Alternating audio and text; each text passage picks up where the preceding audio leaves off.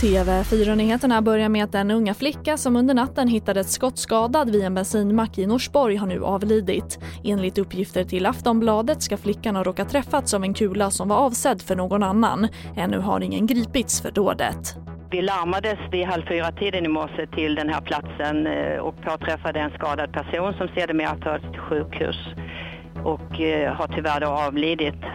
Förundersökningen gäller ju nu mord och vi har en brottsplats som är avspärrad. Vi har säkrat en del övervakningsfilm från, från eh, fastigheter runt omkring. Och det sa Eva Nilsson, presstalesperson vid polisen i Stockholm. Och i natt avled en tonåring och två andra tonåringar blev allvarligt skadade efter att en polisbil och en mopedbil krockat i Täby norr om Stockholm. Olyckan inträffade strax efter midnatt när polisen var på utryckning till ett misstänkt inbrott. Tonåringarna har ingenting med inbrottet att göra och det är fortfarande okänt vilken hastighet mopedbilen och polisbilen färdades i.